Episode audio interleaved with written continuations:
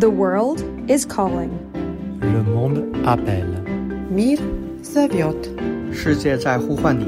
Il mondo ci chiama. Verden kalder. Der er krig i Europa, og både amerikanerne og europæerne siger, at Kina kan blive afgørende for udfaldet. På den ene side har vi amerikanerne, der frygter, at Kina vil hjælpe Rusland med våben, og at krigen i Ukraine kan udvikle sig til en stedfortræderkrig mellem to stormagter. Og på den anden side har vi EU, hvis udenrigschef tværtimod håber, at Kina kan blive løsningen på konflikten ved at optræde som maler. Midt i det hele står Kinas præsident Xi Jinping, der siger, at Kina arbejder for at genoprette freden, men samtidig kalder Putin for sin bedste ven. Derfor spørger jeg her i Verden kalder, hvem holder Kina med? Jeg hedder Stine Krummernd Dragsted, og du er tændt for Radio 4's udlandsprogram, og du må meget gerne også stille dine spørgsmål ind til mig. Hvis du for eksempel gerne vil vide om Ruslands Putin eller Kinas Xi er gode venner, eller hvorfor Kina ikke har fordømt Ruslands invasion i Ukraine, eller frygter du måske en ny kinesisk-russisk fællesfront mod Vesten? Skriv ind til mig. Nummeret er 1424. Slut med dit navn og hvor du kommer fra, så ryger din besked lige ind i inboxen, som jeg har her åben foran mig. Velkommen til Verden kalder.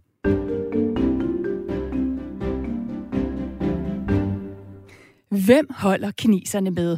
Står de laster bræst med Rusland nu, hvor Xi og Putin har lavet en aftale om, at deres venskab er grænseløst? Eller koster det for meget for Kina at blive bundet til en uforudsigelig russisk præsident, der kaster sig ud i en lang og blodig krig i Ukraine? Og hvad kan Kina gøre for at stoppe krigen? Kan Kina stoppe krigen, hvis de vil? Til at hjælpe mig med at finde svar på mange af de spørgsmål, der har jeg allieret mig med, jeg, mig med dig, Jørgen Delman. Du er professor emeritus i Kina-studier på Københavns Universitet. Velkommen til Verden kalder. Øh, tak skal du have. Og Jørgen, lad os starte med det, vi ved med sikkerhed. Altså, hvordan Kina har reageret på invasionen. Da russiske missiler begyndte at flyve igennem den ukrainske himmel, der lød det fra Kinas viceudenrigsminister, at USA har pustet til flammerne, og at NATO skulle have tænkt over konsekvenserne ved at udvide mod øst og skubbe et stort land, så det står med ryggen mod muren. Det her er altså citater fra Kinas udenrigs, øh, viceudenrigsminister. Jørgen Delman, er der nogen tvivl om, at Kina bebrejder USA og NATO for den her invasion? Nej, det er der ikke. Altså, det del af Ruslands opfattelse af, det er i høj grad NATO og USA, der har forårsaget krigen, blandt gennem, og især gennem NATO's udvidelse mod øst øh, over, over de sidste øh, år, øh, årtier. Og de ser USA som en nation. USA, der har ført, selv ført mange krige uden FN-mandat. Og det, de udviser en dobbeltstandard i forhold til Ukraine. Det vil sige, at de anklager andre for, hvad de selv har været med til at gøre i, i, hen over årene. Øhm, og så kan man den sammenhæng måske sige, at Kina glemmer jo, at man selv har fordømt amerikansk intervention i, i, i de krige, som de, som de har stillet op i regnskabet med USA. Øhm, så, øh, og, og så har de også en, en, særlig, øh, en, en særlig pointe i det her. De siger, at USA skylder Kina en blodkæl fra ambassadebumpning i Beograd 1999, hvor amerikanske bombefly, som kineserne siger, øh, angreb øh, Jugoslavien, som var i opløsning øh, øh, med, med fly, og øh, de ramte den kinesiske ambassade. Det er kineserne meget, meget fortørnet over, og det er en historie, der dukker op igen og igen. Så Kina taler ikke om, om, øh, om et Rusland, der er i krig, fordi det gør russerne ikke. De taler om den her særlige militære operation, men nu taler de også om, at, at øh, Ukraine er i krise. De fordømmer ikke Rusland, og øh, Kinas øh, officielle position er jo, at de, de ønsker, at alle skal respektere og, og sikre alle landes uafhængighed og, og territoriale integritet. Det vil sige, at der er ikke nogen, der skal kunne angribe andre lande, og man skal respektere FN's charter, ja, altså FN's det skal grundlov. jeg lige forstå, Jørgen Delman, fordi jeg har jo spurgt den kinesiske ambassadør her i Danmark, hvor Kina står i konflikten. Og ambassadens svar lyder lige præcis som noget af det, du nævner her. Nu oversætter jeg lidt frit. Altså et, Kina er ikke glad for situationen i Ukraine. To, Kina mener, at et lands suverænitet skal respekteres netop i henhold til FN's charter. Og tre, Kina ønsker at støtte fredsforhandlinger gennem det internationale samfund, men fire, det kan kun ske, hvis man løser det, de kalder the root of the problem, altså problemets rod. Altså, jeg vil jo godt have spurgt Jørgen Delman, øh, Kinas ambassadør, hvordan Kina både kan anerkende Ukraine som et suverænt land, altså et land, der har ret til at bestemme inden for dets egen grænser, og så samtidig afholder Kina sig fra at fordømme Ruslands invasion. Kan du hjælpe mig med at tyde ambassadens svar her? Øh, Kina forsøger jo øh, at, at, at forfølge det, der er grundprincipper i Kinas udenrigspolitik og været det siden 1950'erne, om et, øh, et hvilket som helst land må ikke blande sig i andre landes interne forhold. Det er det ene princip. Det andet princip er, at man, man dermed øh, respekterer alle landes øh, suverænitet, altså lande, der anerkendte. Ukraine er jo et anerkendt land. Det kan man ikke drage, drage i tvivl. Det mener Kina heller ikke, selvom Rusland gør det. Og, så derfor kan man sige, at, at Kina forsøger ligesom at gå på to ben, og øh, man, kunne måske godt øh, øh, frygte, at, at de kinesiske bukser ikke kan, kan holde i længden fordi at man, man hele tiden forsøger at fremføre den her argumentation, men den er jo i modstrid med, med sig selv. Så man kan sige, det, det grundlæggende i det her er måske, at Kina støtter Ruslands krav om en eller anden form for sikkerhedsaftale, som skal, som skal tilfredsstille Ruslands ønsker om at have en sikkerhedszone omkring sig. Så det er det, det, er det grundlæggende, kan man sige. Det, sekund, det sekundære, øh, det, det er så situationen i Ukraine, som man jo heller ikke bifalder. Mm. Så har vi amerikanerne, der nu advarer Kina imod at prøve at hjælpe Rusland ved at sno sig uden om økonomiske sanktioner og give Putin en økonomisk redningskrans. Og så har den amerikanske regering jo også været ude at sige, at de har efterretninger på, at Rusland har bedt Kina om militær hjælp. Og vi havde jo så præsident Xi fra Kina og Joe Biden fra USA, der talte sammen i fire timer i fredags, hvor Biden advarede Xi at det vil have store konsekvenser, hvis Kina støtter Ruslands krig.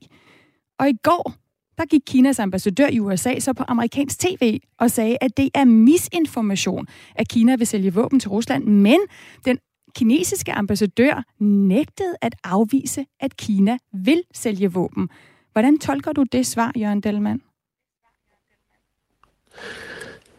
Jeg tolker det sådan, at, at Kina øh, lige nu, her nu ikke, ikke vil sælge våben til Rusland, men det kunne det jo sagtens forekomme i, i fremtiden. Øhm, om de vil gøre det, mens den her øh, konflikt den løber, det, det kan vi jo ikke sige noget fornuftigt om. Det de siger, de ikke vil. Men øh, de vil ikke afholde sig fra på lang sigt at, at sælge våben til, til Rusland. Altså, det er sådan, man, man må forstå det. Spørgsmålet er så, hvis Rusland bliver så presset i den her konflikt, og de virkelig mangler våben, vil, vil Kina så alligevel støtte dem? Og, og der er jo en lang række overvejelser, som Kina må gøre sig i den sammenhæng, specielt hvordan vil resten af verden reagere på det, inden at de beslutter sig for at gøre det. Men lige nu ser det ikke ud, som om de vil gøre det. Mm. Så som du siger, så har Kina kastet sig ud i den her, det her vanskelige balanceakt, hvor de slingrer mellem to spor, eller som du siger, de har trukket nogle bukser på, som måske godt kan revne. De støtter Rusland, og så påstår de samtidig, at de er neutrale, og de ønsker fred i, i Ukraine. Og spørgsmålet er jo om de kan holde balancen i den her akt, inden at de, de skal vælge imellem, om de skal stå last og bræst med Putin, eller om omkostningerne for Kina bliver for store. Og lige om lidt, øh, der skal vi tale mere, Jørgen Delman, om øh, hvad det er, der har fået Xi og Putins venskab til at blomstre i dag. Altså hvor stærkt et fundament det venskab egentlig hviler på. Men først så skal vi lige have et kort overblik over op- og nedture i forholdet mellem de to kæmpe lande, Kina og Rusland. Kasper Wigman, der leder tænketanken Think China ved Københavns Universitet, han hjælper med at tage temperaturen på det kinesisk-russiske forhold gennem tiden. Verden kalder.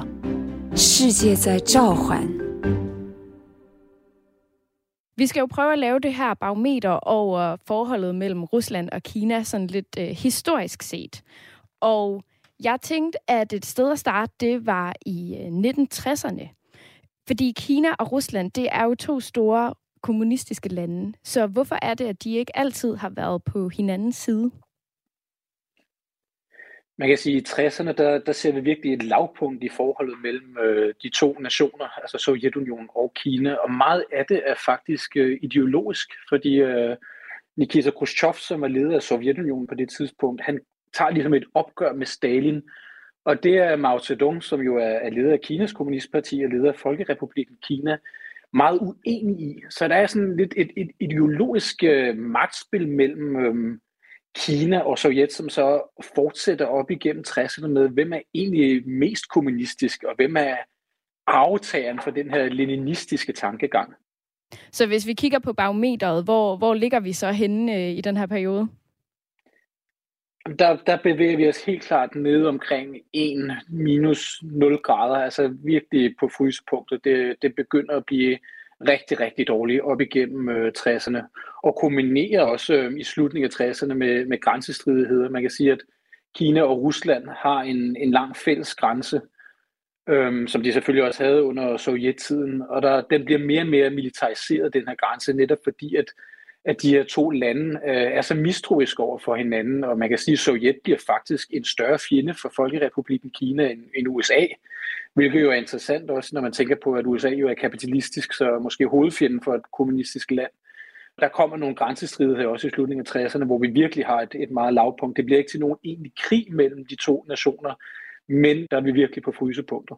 Så selvom de egentlig deler den samme ideologi, så er det altså ikke sådan, at de er gode venner på det her tidspunkt. Og det bliver måske faktisk øh, endnu værre, hvis vi hopper frem til 1972, Kasper. Hvad er det, der sker der? Jamen, der begynder USA og præsident Nixon at, at nærme sig Kina mere og mere. Man har noget, man kaldte øh, pingpong-diplomatiet, eller bordtennis-diplomati også, hvor man ligesom brugte sporten som undskyldning for at nærme sig hinanden. Og det kulminerer så med, med Nixons besøg i 72, øhm, hvor at USA så efterfølgende begynder at anerkende Folkerepubliken, før der, Folkerepubliken Kina. Før det besøg, der, der anerkendte man Taiwan, altså Republiken Kina, som, som det rigtige Kina. Men der får man så den her et-Kina-politik, som man har, man har haft lige siden. Og det er jo sjovt at se på, at, at USA ligesom skulle bruge Kina i spillet mod Sovjet, hvor vi nu i dag, at det er Kina, der skal bruge Rusland i spillet mod USA. Så der er vi igen på lavpunktet mellem Kina og Sovjet. Så sker der jo noget, hvis vi hopper frem til 1989. Hvad er det, der sker der, Kasper? Der begynder der også at være en måske en lidt mere tilnærmelse mellem Sovjet og, og Kina. Øhm, og det kulminerer så i, i 89 i maj, da, da Gorbachev, han øh, som den første leder siden Khrushchev, besøger Folkerepubliken Kina.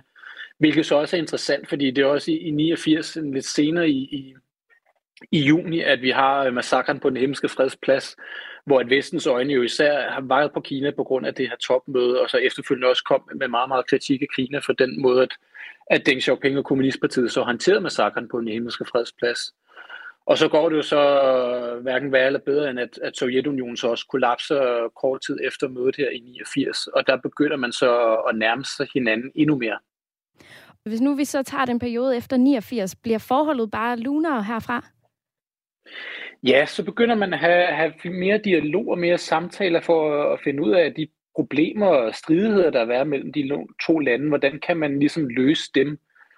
Der laver man nogle fælleserklæringer også i starten af 90'erne også, som man sådan hele tiden bygger videre på. Og der begynder vi sådan at, at stige lidt i, i graderne mellem de forhold. Altså der begynder det lidt, kan man sige, at, at nu er det forår. Nu begynder det at blive varmt igen. I august 2005, der holder Kina og Rusland deres første fælles militære øvelse, hvilket jo også er ret interessant, at nu er de to lande igen også, når vi tænker tilbage på, at i 60'erne, der havde de militariseret grænsen, havde grænsestridigheder, det var tæt på at være krig mellem de to lande. Nu holder de en fælles militær øvelse. Det siger jo noget om, at nu har vi virkelig et, et, et tættere øhm, sammenhold mellem de to lande. De kunne begynde at bruge hinanden der. Og hvad er det især, de kan bruge hinanden til? Altså, hvorfor er de her to lande, der øh, for ja, 60 år siden øh, var så mistroiske over for hinanden, hvad er det, de kan bruge hinanden til i dag? Jamen, det er jo den, den verdensorden, vi også har haft, og især efter, at Xi Jinping han træder til som leder i, i Kina, både af Kommunistpartiet og som præsident, han også begynder at nærme sig Vladimir Putin, fordi at, at Xi Jinping ligesom skal bruge Rusland som en, en, en fælles ven i kampen mod øhm, en verdensorden, hvor USA sidder som eneste supermagt. Og han, han kommer så til magten der i, i slutningen af 2012 og officielt i 2013, og i 2014, der, der underskrev de to også sådan en fælles erklæring om sådan en, et nyt stadie i det her meget øh, strategiske partnerskab og koordinering mellem de to lande. Og så kan man sige, at der begynder vi igen også at have varmere, og, og det kulminerer sig endeligt i, i 4. februar i, i år ved åbningen af vinter hvor vi får fælles erklæring mellem de to lande, hvor at, at Xi Jinping han har kaldt Putin for hans Lao Pangyor, hans gamle ven, og de siger, at det her det er et venskab uden grænser. Der er ikke nogen ting, som man ikke kan tale om, og nogle ting, som man ikke kan samarbejde med. Og der er vi virkelig oppe i plusgraderne nu der er vi virkelig op i plusgraderne, fortalte Kasper Wigman, leder af tænketanken Think China på Københavns Universitet, til min kollega Louise Østerlund Thomsen. Altså, min gamle ven, et venskab uden grænser, sådan beskriver Kinas præsident Xi Jinping sit forhold til Ruslands Vladimir Putin, da de to præsidenter smiler og mødes i Beijing for at åbne de olympiske lege den 4. februar. 20 dage senere kører russiske kampvogne ind i Ukraine, og Putin erklærer en speciel militær operation for at rense Ukraine for nazister og afmilitarisere landet. Jørgen Delmand, du har lyttet med her på professor emeritus i Kina-studier på Københavns Universitet. Kina siger, at de ikke kendte til Putins planer. Hvor sandsynlig er den påstand i dine øjne? Ja, det er jo et godt spørgsmål, for det er det, de siger, ikke? men altså, jeg betragter det jo som ret usandsynligt, at Putin ikke på en eller anden måde har fortalt, at der var nogle problemer, der skulle løses i Ukraine. Men han har jo nok ikke fået det til at lyde som en stor invasion og en, en krig af de dimensioner, vi har set. Øh, så jeg tror, altså, man må forestille sig, at de, de to mænd, de kender hinanden så godt, at han har sagt noget om, at der er, der er en, en særlig militær operation, og den, øh, og den, den foregår i Øst-Ukraine. Der, der er jo allerede nogle problemer, dem skal vi have løst for at stabilisere situationen. Øh, og øh, i hvert fald på det niveau vil jeg mene, at det er ret sandsynligt, at, øh, at, øh, at de har talt om den her øh, krig, som vil komme. Mm, og nu siger du, at de kender hinanden godt. Øh, vores lytter Helle skriver ind og spørger om Kina og Rusland, altså hvorfor det her særlige venskab øh, mellem øh, Kina og, og Rusland. Øhm, og, og det kan jeg jo godt stille videre til dig. Altså, hvordan er det venskab? Er der et personligt venskab, Jørgen Dahl, mellem Xi og Putin, som den her aftale, vi jo også skal dykke mere ned i, som de indgår den 4. februar, som den bygger på? Ja, altså, vi ved jo fra international politik, at, at det et tæt forhold mellem statsledere, som udvikles over tid, også kan, kan føre til gennembrud i, de, i relationerne mellem landene, og det er nok det, vi har set her i øh, forholdet mellem Kina og, og Rusland. Altså, de ser, at de har nogle fælles interesser, øh, og at øh, de to ledere, de kan godt spejle sig i, i den andens politiske system. Det er som om, de har bevæget sig i den samme autoritære retning i, i øh, det seneste årti i hvert fald.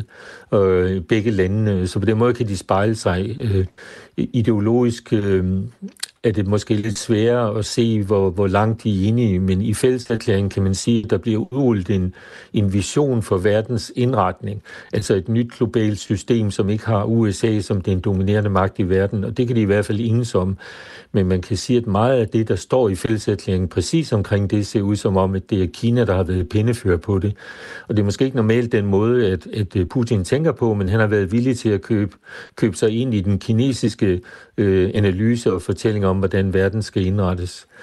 Øh, så taler de om, at de er imod... Øh, Øh, de er imod øh, farverevolutioner, det vil sige revolutioner, som i princippet kan føre til en eller anden form for liberal demokrati. De siger, at der findes andre former for demokrati, og de er de højeste repræsentanter ved især for den form for demokrati, som lytter til befolkningen, som tager højde for befolkningens ønsker, og som, som, øh, som skal levere på befolkningens ønsker. Altså mere det, man kalder et deltagerdemokrati, end et, et, et demokrati, som er valgt på, øh, eller som er baseret på valg. Øh, så man kan sige, at øh, på det ideologiske plan og det politiske plan, der har de, øh, der har de meget sammenfaldende synspunkter. Så er der jo det overordnede strategiske plan, hvor de øh, begge to jo gerne ser, at, at USA's dominans i verden, den bliver svækket.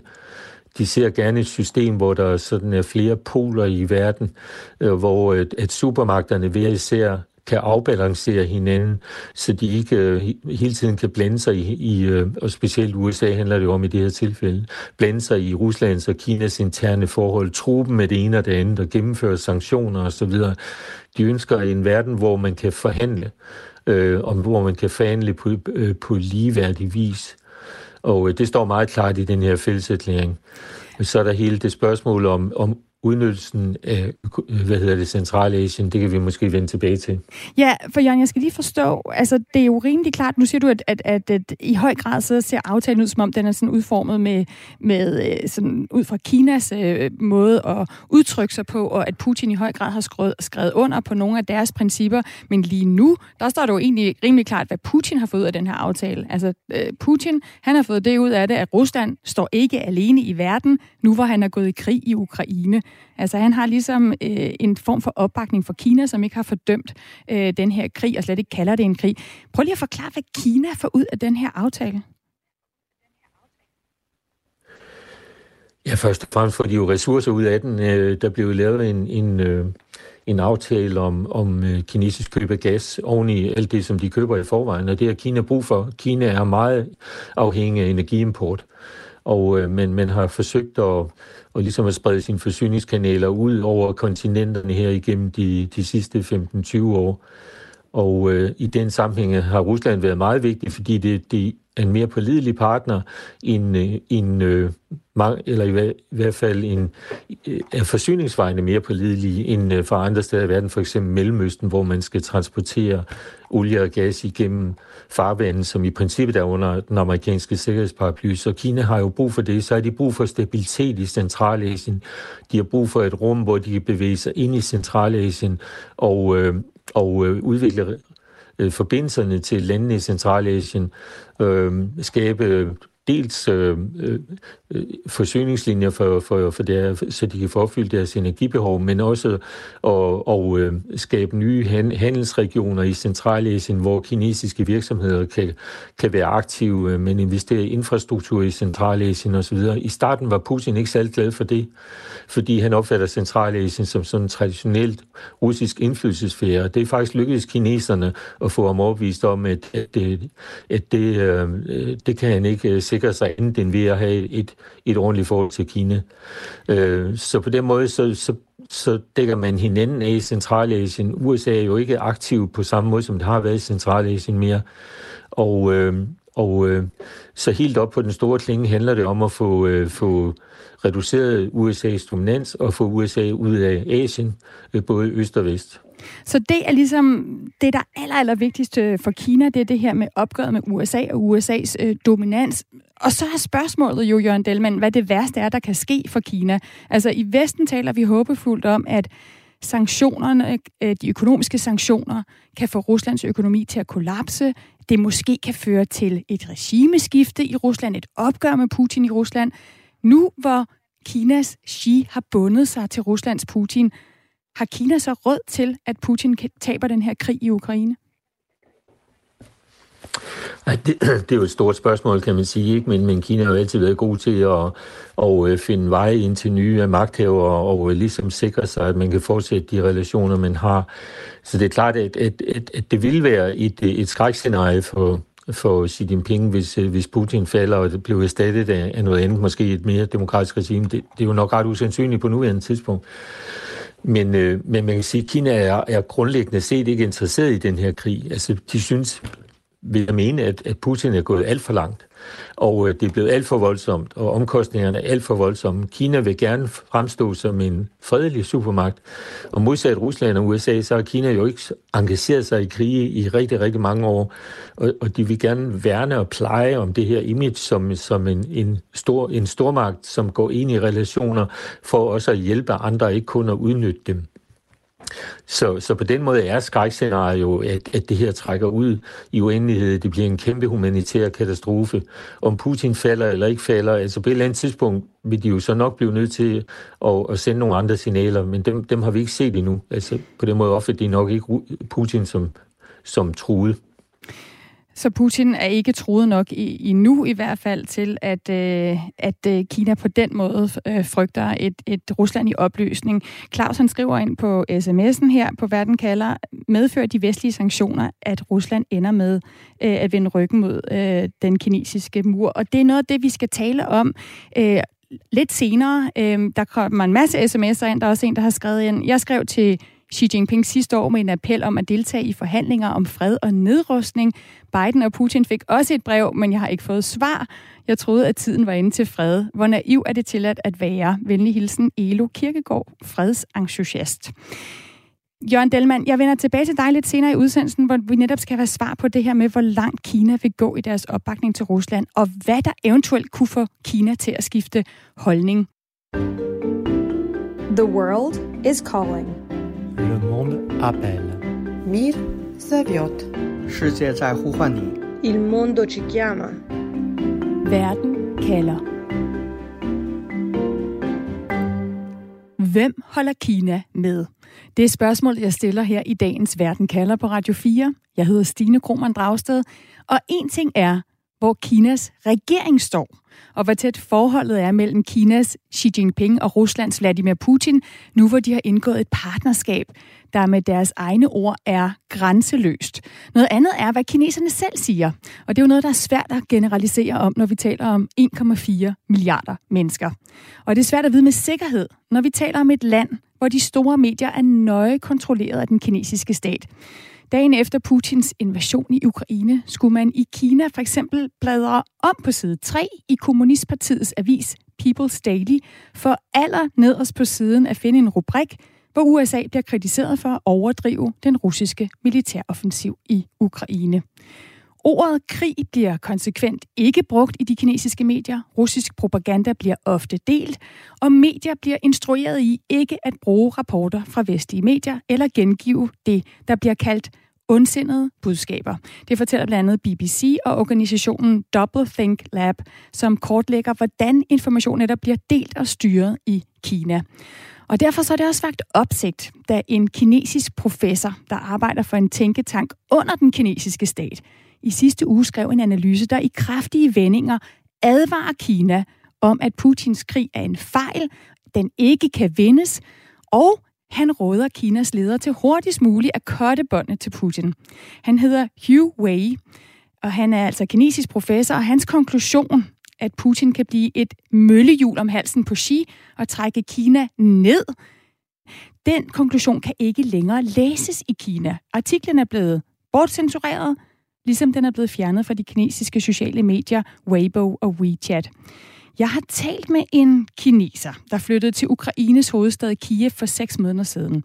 Han hedder Libo Jiang, og han siger, at det er som at opleve to parallelle verdener, når han sammenligner, hvad hans venner og familie hjemme i Kina får at vide, og hvad han selv oplever på gaderne i Kiev. For selvom bomberne lige nu regner ned over hans nye hjem, så kan Libo ikke skrive om de russiske angreb på de sociale medier i Kina. Hans opslag bliver simpelthen fjernet, og derfor så er han grebet til Twitter, hvor han på kinesisk fortæller, hvordan virkeligheden ser ud i et krigshavet Ukraine. Og på få uger, der er han altså gået fra at have et par Twitter-følgere til over 30.000 følgere på Twitter. Så hvordan endte Libo Jiang som kinesisk pro-ukrainsk internetkriger i Kiev? Den historie får du her.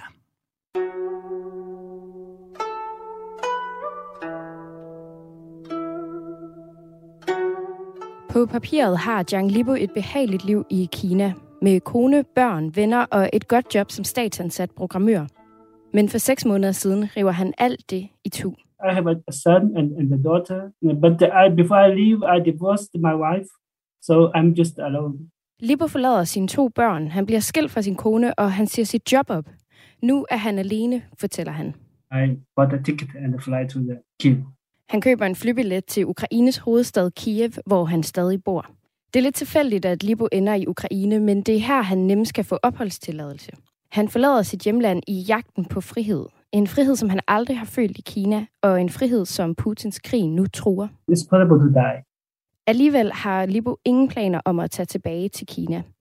I stedet så er han blevet en slags digital frihedskæmper på Twitter. Her deler han på kinesisk informationer om krigen til en stadig støt stigende følgerskare.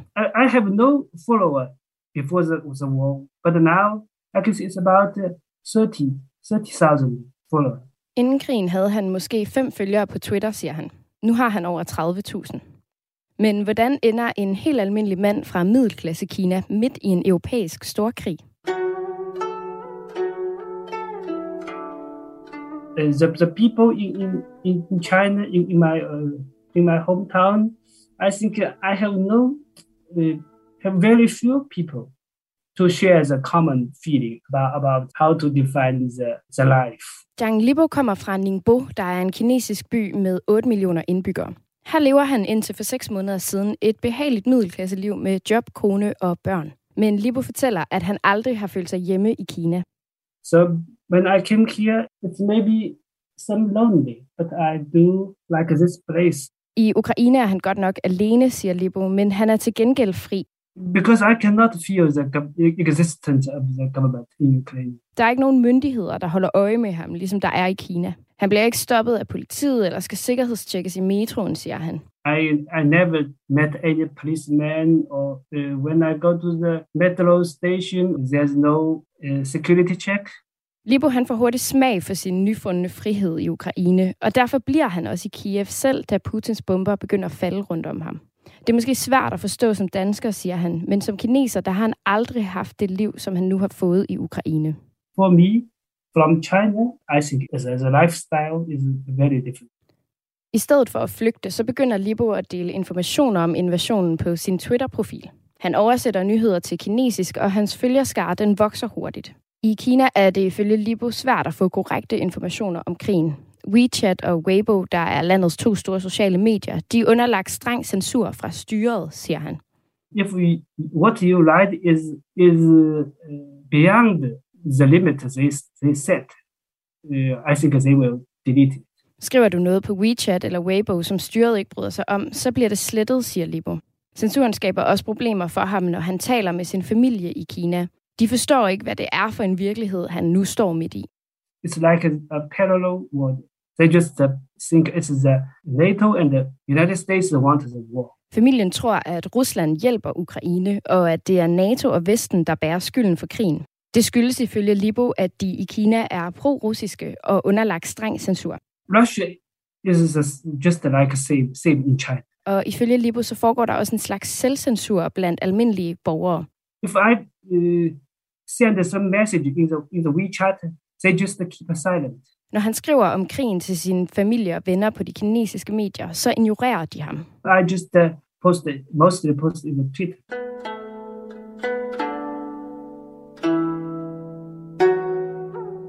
Libo tror, at forholdet mellem Kina og Rusland først vil ændre sig, hvis krigen ændrer karakter. Men han er skuffet over, at Kina ikke har gjort mere. Of course, I think it's. I, I, if I think Russia can defeat more fast, I, I have more possibility to survive. If if the war is over today, I can just just uh, return to my normal life. That's fantastic. Fordi, siger Libo, jo hurtigere Rusland bliver besejret, jo hurtigere får han sit liv tilbage. Og selvom han godt tror, at han kan tage hjem til Kina uden at blive fængslet, så bliver han i Kiev.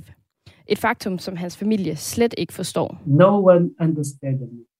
My relative, my friends, my colleague. They just think maybe I'm just insane. Libos familie og venner synes, han er blevet skør, fordi han har sagt det job op, som han har haft i 30 år. For nu har han ingenting tilbage. And I have no guarantee for my rest of my life. I have no medical medical insurance and no pension. Han har ingen garanti for sit liv, ingen sundhedsforsikring, ingen pensionsopsparing. Alligevel er det eneste, der kan få Libo til at forlade Ukraine, at Putin vinder krigen. No, if Russia occupied the Kiev, I think maybe I die. I have already died. Hvis han ikke dør i krigen, så vil Libo flygte. At leve under et autoritært styre igen, det vil han ikke. If I survive the war, if it's occupied by Russia, of course I will leave. Lige nu ved Libo ikke, hvad hans plan er. Men han håber, at han kan blive i Ukraine, når krigen slutter. I, I want to find a way to get the permanent resident permission. Det eneste, Zhang Libo savner fra sit gamle liv i Kina, er sine to børn. Og han er ked af, at de ikke kan opleve den frihed, som han nu har smagt. I cannot convince them to leave China. It's hard. It's very hard.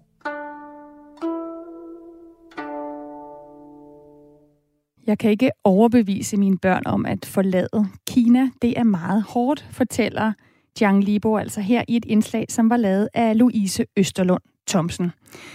Og Jørgen Delmand, professor emeritus i Kina-studier på Københavns Universitet, du har lyttet med til Libos historie her. Altså en almindelig kineser, der synes, at hans liv i Ukraine er mere frit, selv nu hvor der falder bomber, end det liv, han havde i, i Kina. Han er skuffet, som vi hører, over at hans land, Kina, ikke har forsøgt at stoppe Putins krig i Ukraine. Han tror, Kina kan gøre en forskel. Har han ret i det, Jørgen Delman? Altså en ting er, om Kina vil, det kan vi tale om lidt senere. Er du enig i, at Kina kan gøre en afgørende forskel, når det gælder at påvirke krigen i Ukraine, hvis de vil? De kan jo gøre en forskel. Øh, det ene vil være, hvis Kina fordømte invasionen øh, af for eksempel af humanitære grunde. Øh, det, det vil jo klart gøre et indtryk på Putin, men der er jo ikke noget, der tyder på, at, at de vil gøre det. Det andet sted, de gør en forskel, og det er måske mere det, vi skal kigge, øh, det er på det diplomatiske område, fordi Kina har jo hele tiden sagt, lige siden det startede, at man, at, øh, man vil arbejde for en fredelig øh, løsning øh, på konflikten gennem de, diplomatiske kanaler. Og der er spørgsmålet jo så, hvad er det, Kina gør i den her sammenhæng? Hvem prøver de at, at, at, at, at finde, som de kan arbejde sammen med om at, at skabe den her diplomatiske løsning? Vi hører jo ikke noget om det. Øh, vi ser nogle få øh, indikationer indimellem på, at, at der sker noget. Men, men øh, Øh, Øh, det er nok andre, der skal finde den, den, den øh, diplomatiske løsning end Kina. Men, men Kina arbejder på de indre linjer, det føler jeg mig helt, helt overbevist om. Øh, så som, som det også blev sagt tidligere, så, så er den her nye aftale mellem Kina og Rusland, det er jo sådan en, der skal holde i alle slags fære. Der er ingen forbudte områder øh, i den, så, så på den måde så ser jeg ikke, at, at det her vil ske øh, vil ske øh, i morgen. Men det er jo, man kan jo sige, at set for, vor, for vores del af verden, er det, er det jo moralsk forkasteligt, at Kina ikke fordømmer den her krig, set, set fra sådan mere politisk, øh, geopolitisk perspektiv og international politikperspektiv, har Kina jo været hurtigt til at fordømme amerikanske interventioner i andre lande. Derfor kan man sige, at jo længere de holder fast i den her, jo, jo mere vil de blive øh, øh, mødt med mistro rundt omkring i verden. Og deres modvægt til det, det er jo, at, at Xi Jinping og andre kinesiske topledere, de taler med ledere rundt omkring i verden og prøver at forklare dem, hvad Kina mener. De kommer med udtalelser, som de gjorde her forleden, hvor Xi havde mødt den sydafrikanske præsident, som på en eller anden måde kan fortolkes som en opbakning til, til den kinesiske position. Så på den måde så forsøger de også at, skabe en, en, en global alliance blandt mere venligsindede lande i forhold til specielt indad til Kina måske, og, og, og vise, at, at Kina er på ret spor. En vigtig pointe, når vi øh, ofte her i Europa og i Danmark øh, meget taler om, at, at øh, Kina øh, og, og Rusland står øh, fuldstændig isoleret, at øh, der er mange lande, øh, der kan tales med, og, og det er jo ikke alle, der som NATO og, og USA har, har vendt sig imod den her invasion. Jørgen Delman, jeg kunne godt tænke mig, selvom du siger, at den her nye aftale mellem Kina og Rusland, den ikke kender nogen grænser, den skal holde i alt slags vejr. Og prøve at kigge på, om der alligevel er noget, der kan få Kina til at skifte hold. Altså, hvad kunne Vesten gøre for at drive en kile ind mellem Kina og Rusland. Og hvis nu, at øh, Kina ønsker det, altså kan de så overhovedet få Putin til at, til at markere ret. Hvis vi nu starter med Kinas interesser, når det gælder, hvor Kina står på verdensscenen, så havde vi jo USA's præsident Biden og Xi, der talte sammen i fredags i fire timer på en video, et videomøde. Og Xi, han ønsker jo, at Kina bliver en stor magt, som USA respekterer. Xi, han vil gerne selv indtage rollen som en statsmand på verdensscenen. Er det her ikke den oplagte mulighed for Xi at bevise, ja, Kina, vi ønsker faktisk øh, en verden med fred og stabilitet, og vi spiller en afgørende rolle, når det gælder Ukraine? Jo, det kan, du, det kan du sige, og det er jo egentlig også det, at Xi Jinping han siger, at de vil, men, men øh, de er jo nok blevet fanget på det forkerte ben ved, at det, det er blevet så omfattende, som det er. Altså det, der, det jeg synes var bemærkelsesværdigt ved, ved det her møde, at vi kan jo kun læse de udtalelser, der er kommet, øh, de officielle udtalelser, der er kommet fra henholdsvis Kina og, og USA det er, at Biden sagde, at Kina eller USA ønsker ikke en ny kold, kold krig med Kina. Han ønsker ikke at ændre Kinas politiske system. Han ønsker ikke at styrke alliancer vendt mod Kina. Han støtter ikke et uafhængigt Taiwan. Han ønsker ikke en konflikt med Kina. Det, det opfatter jeg som meget markant indrømmelser. Og øh, selvfølgelig skal man se på, hvad USA så gør. Men, men Xi, ifølge hvad vi har set, har jo ikke givet nogen indrømmelse overhovedet. Og jeg tror, hvis, hvis vi skal nære noget håb til, at Kina kan komme til at spille en mere konstruktiv rolle i forhold til at løse den her konflikt, så bliver Kina nødt til at, at, at komme med nogle indrømmelser af den ene eller den anden slags. Så de burde jo være taknemmelige for, at der er noget at snakke om her, når Biden giver de her indrømmelser. Selvfølgelig belærer Biden dem også om, at de vil blive ramt af, af, af voldsomme sanktioner, hvis de på nogen måde øh, øh, bidrager til konflikten militært. Og, øhm, og øh, det har vi jo ikke noget svar på fra, fra Kinas side, men, men jeg tror lige for indeværende, der ser man, at presset på Kina, det letter. Øh, Kina står i en bedre position, end de gjorde for en måned siden i forhold til USA, og at man vil udnytte øh, den taktiske måske strategiske åbning øh, maksimalt så længe, som det overhovedet øh, er muligt. Så på nogle måder er det faktisk en fordel for Kina, at lige nu der er alles øjne rettet mod, øh, hvad Putin han laver i Ukraine, og hele den der konflikt, som Kina har haft kørende, specielt med USA, øh, den kan man så øh, have mindre fokus på, og det kan Kina udnytte. Men lad os lige så vende tilbage til et af de andre problemer, der kunne være i forhold til, hvor Kina står på verdensscenen. For Kina anerkender jo, som vi talte om før, Ukraine som et suverænt land. Altså, det er noget, kineserne går enormt meget op i, det her med suverænitet, retten til at bestemme over sit eget land. Og det er noget, som du også siger, Kina ofte synes, at USA har blandet sig alt for meget i andre landes interne anlægner og spillet politimand. Så nu har Putin invaderet Ukraine. Vi står på et eller andet tidspunkt og skal finde en eller anden form for øh, ende på det her efter krigen. Kan Kina leve med, at Rusland besætter hele Ukraine eller deler landet op, når det jo har anerkendt Ukraine som suverænt? Ja, det er jo et godt spørgsmål. Øh, det, det, det, øh, det kan de vel i princippet, øh, fordi de har det her partnerskab øh, med, med Rusland. Spørgsmålet er, hvad, hvad kommer der i den anden ende? Altså vil, vil det så medføre forstærkede sanktioner fra, fra øh, USA og Europas side primært, og, og så i Japan og Korea, i Asien, Australien osv., altså fra de rige lande, ikke? Øh, og, og hvilken betydning vil det få for Kina? Altså vores økonomier er jo i langt højere grad integreret. Kina er verdens næststørste økonomi. Rusland, Ruslands økonomi er på størrelse med Italien. Ikke? Så man siger, set fra sådan et meget rationelt synspunkt, hvorfor i alverden skal, skal man så binde sin skæbne op øh, på Rusland, undtagen øh, fordi, selvfølgelig fordi man stadigvæk har brug for energi. Så, så det punkt øh, er, er der jo nogle overvejelser i Kina om, hvor langt skal vi gå med den her støtte. Altså, Kina vil, vil gøre meget for at finde den her diplomatiske løsning. Det betyder jo også på et eller andet tidspunkt, hvis det bliver ved, at det eskalerer, og det ser ud som om, at Putin vil, vil besætte hele Ukraine, så, så bliver de nødt til at lægge et pres på Putin for at få det afsluttet og, øh, og få sat sig til forhandlingsbordet. Og det, det har været deres konsistente linje hele tiden, at begge parter skal til forhandlingsbordet, men at man skal tage hensyn til, til Ruslands øh, berettigede sikkerhedsønsker, øh, og det vil sige, at Ukraine skal ikke være medlem af af NATO. Men der er jo noget, der skal... Øh, men, men også... ja, undskyld, Jørgen, der er jo noget, der skal øh, presse øh, Putin til at komme til forhandlingsbordet, og der spørger øh, Helle, en af vores lyttere, ind om, om Kina økonomisk, handelsmæssigt med videre kan ophæve virkningen af vestens nuværende sanktioner over for Rusland. Altså det her med, at Kina jo stadigvæk køber gas fra Rusland og stadigvæk handler øh, med Rusland. Er det der, at Kina kunne få Rusland til forhandlingsbordet ved simpelthen at lade være med at bøde op for, altså øh, at øh, vi jo ikke handler i så høj grad med Rusland, men at Kina stadig fortsætter med at handle med Rusland? Ja, så det, som Kina importerer fra Rusland, det er jo råvarer, det er energi, og så, så er det korn, ikke? Det er to meget store, øh, store øh, øh, produktkategorier. Og jeg kan jo ikke forestille mig, at Kina vil boykotte øh, handel med, med energi fra Rusland. De, de, de har så stærkt behov for den. Det, det, det ligger ikke i kortene.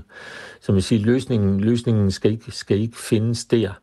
Øh, løsningen skal findes i, at Kinas image på det internationale plan, øh, det lider så meget skade, at man bliver nødt til at, at træde i, i karakter øh, over for, for Rusland. Og, og der er vi altså langt fra endnu.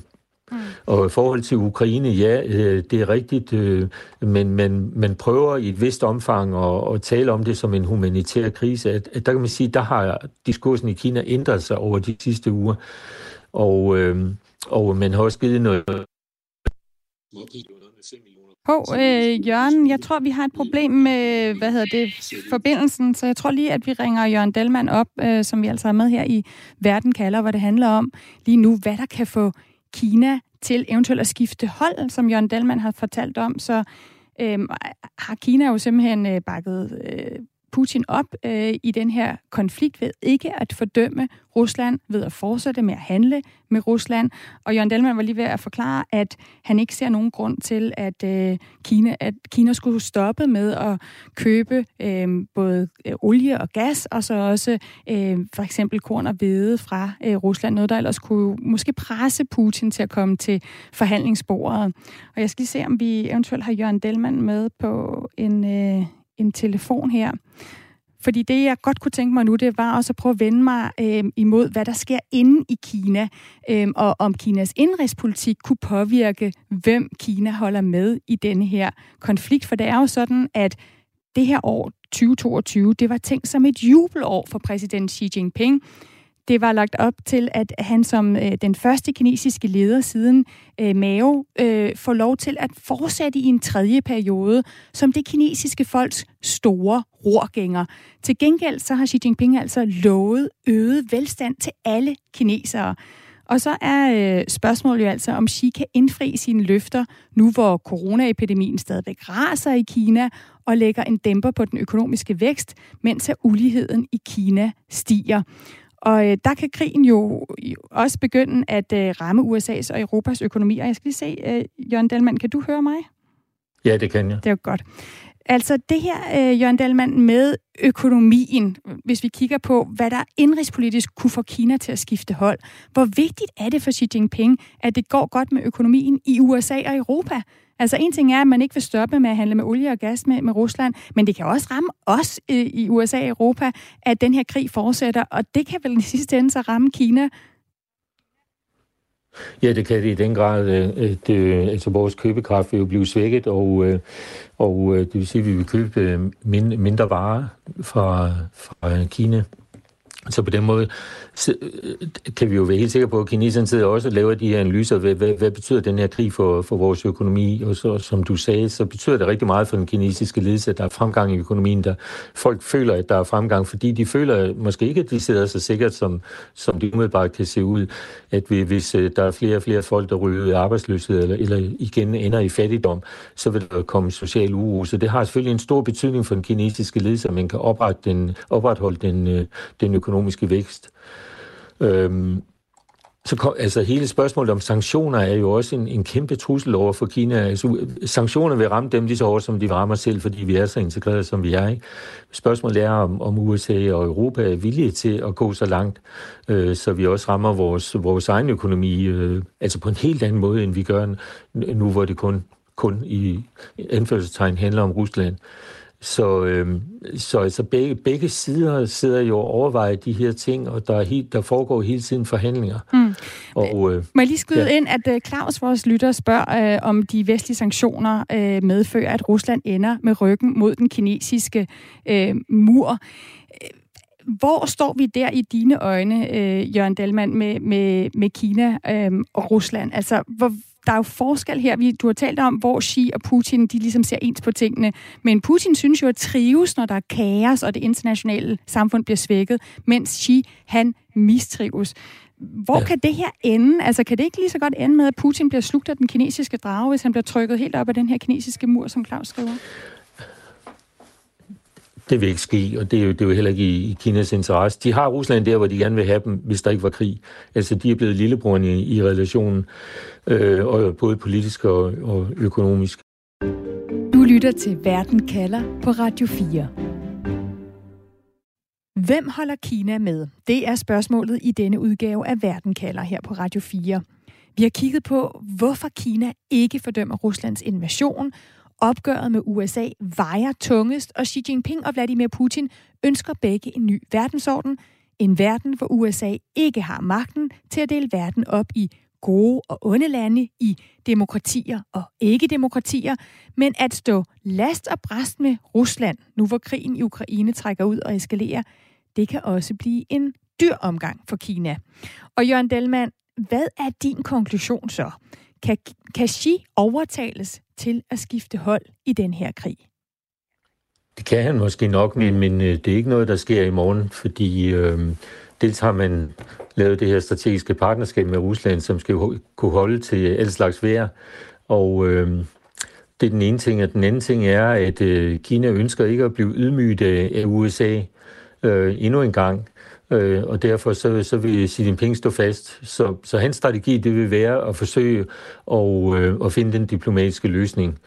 Men det er klart, at hvis Kinas omdømme ude i verden, det, det, bliver, det bliver plettet, at, at nogle af de andre store lande, som Kina gerne vil have et godt forhold til, for eksempel Brasilien, Sydafrika, øh, i et vist omfang Indien, som man så har nogle andre konflikter med, at hvis de begynder at blive kritiske over for det, der sker i øh, krigen mellem Rusland og Ukraine, så bliver Xi Jinping jo også nødt til at, at tænke sig om. Så det er den ene del af det.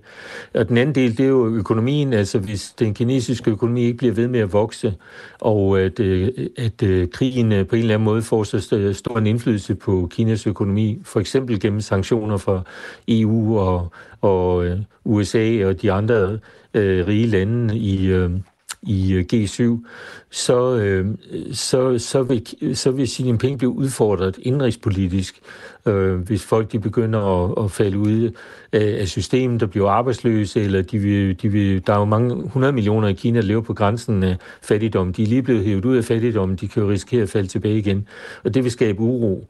Og det kinesiske styre er øh, trods alt ikke, heller ikke i sin egen vurdering, så stabilt, at man kan håndtere den form for uro det, det, der virkelig driver Kina og stabiliteten i Kina, det er økonomisk fremgang. Så det, det vil stå meget højt på dagsordenen. Og Kina vil gøre alt, hvad, hvad de kan for ikke at opleve en, en, en økonomi, som falder ned under en, en 4-5% vækst om, om året. Så altså, der vil være nogle ting, der kan få Xi Jinping til at ændre opfattelse, men jeg har aldrig sige, at han har gjort det. Øhm, så, så det vil blive forklaret på en anden måde. Og øhm, det vil formodentlig komme igennem en eller anden form for pres på, på Rusland for at sige, nok er nok, nu må I se at få det her afsluttet. Og vi hjælper gerne med at få det afsluttet diplomatisk, men nu skal det være nu. I hvor høj grad har Xi brændt fingrene på det her nære venskab med Putin? Jamen, det har han ikke. Øh, fordi øh, Altså, det ser ud som om, at, at øh, situationen i, i, i Kina er sådan, som vi også har hørt, at, øh, at befolkningen tror jo på den her fortælling øh, omkring krigens årsager. Øh, de tror på, at, at det er rigtigt, at Rusland har brug for det her sikkerhedsmæssige øh, råderum, hvor NATO ikke er for, er for tæt på. Øh, Rusland er en, øh, en, en, en stærk partner for Kina, og øh, så på den måde indrigspolitisk, der, der taber han ikke. Så det er kun, hvis, hvis der sker noget udenrigspolitisk, altså i forhold til det, Kinas internationale omdømme, relationerne til de lande, som er vigtige for Kinas syn på sig selv som en central spiller i den fremtidige verdensorden. Og, øh, og der, der ved vi jo, at USA skal placeres et andet sted. USA skal ikke være verdens politimand, de skal ikke øh, kunne rende rundt og blande sig i alt muligt rundt omkring i verden. Og øh, der ligger en mulighed i den her krig for, at USA de fokuserer andre steder, eller Kina fortsætte det spor, som man egentlig er gået af i mange år, og altså bygge stærkere relationer til andre lande. Så det er kun, hvis det ændrer sig. Hvis Kina bliver opfattet øh, som moralsk forkastelig nation, altså som, som burde øh, som burde støtte Ukraine i højere grad, end de gør nu, øh, at så vil, så vil det måske ændre sig. Jørgen Delman, tusind tak for at gøre os klogere på, hvem Kina holder med i denne her krig. Det var så lidt professor emeritus i Kina-studier på Københavns Universitet. Og vi kan lige slutte af med et øh, digt, som vores lytter Nils har sendt ind til os. Xi og Putin, de er venner. De har talt om, hvordan det ender. Putin kan få raketter og kugler, og dem har Kina, de ligger i huler. Og hvis I mangler mad og penge, så kan vi levere inden længe. Jo, Putin og Kina, de holder sammen. De synes jo selv, de lever i fryd og gammel et, øh, et sms-stik, som Nils simpelthen har skrevet ind til Verden kalder. Verden kalder var i dag lavet af mig, Stine Krohmann Dragsted og Louise Østerlund Thomsen. Redaktør er Camilla Høj Eggers. Du kan lytte til alle afsnit af Verden kalder i Radio 4's app, som du kan hente i App Store eller hos Google Play. Og husk at abonnere på Verden kalder, så du bliver opdateret med nye afsnit. Vi er tilbage næste mandag kl. 10. Tak for at lytte med.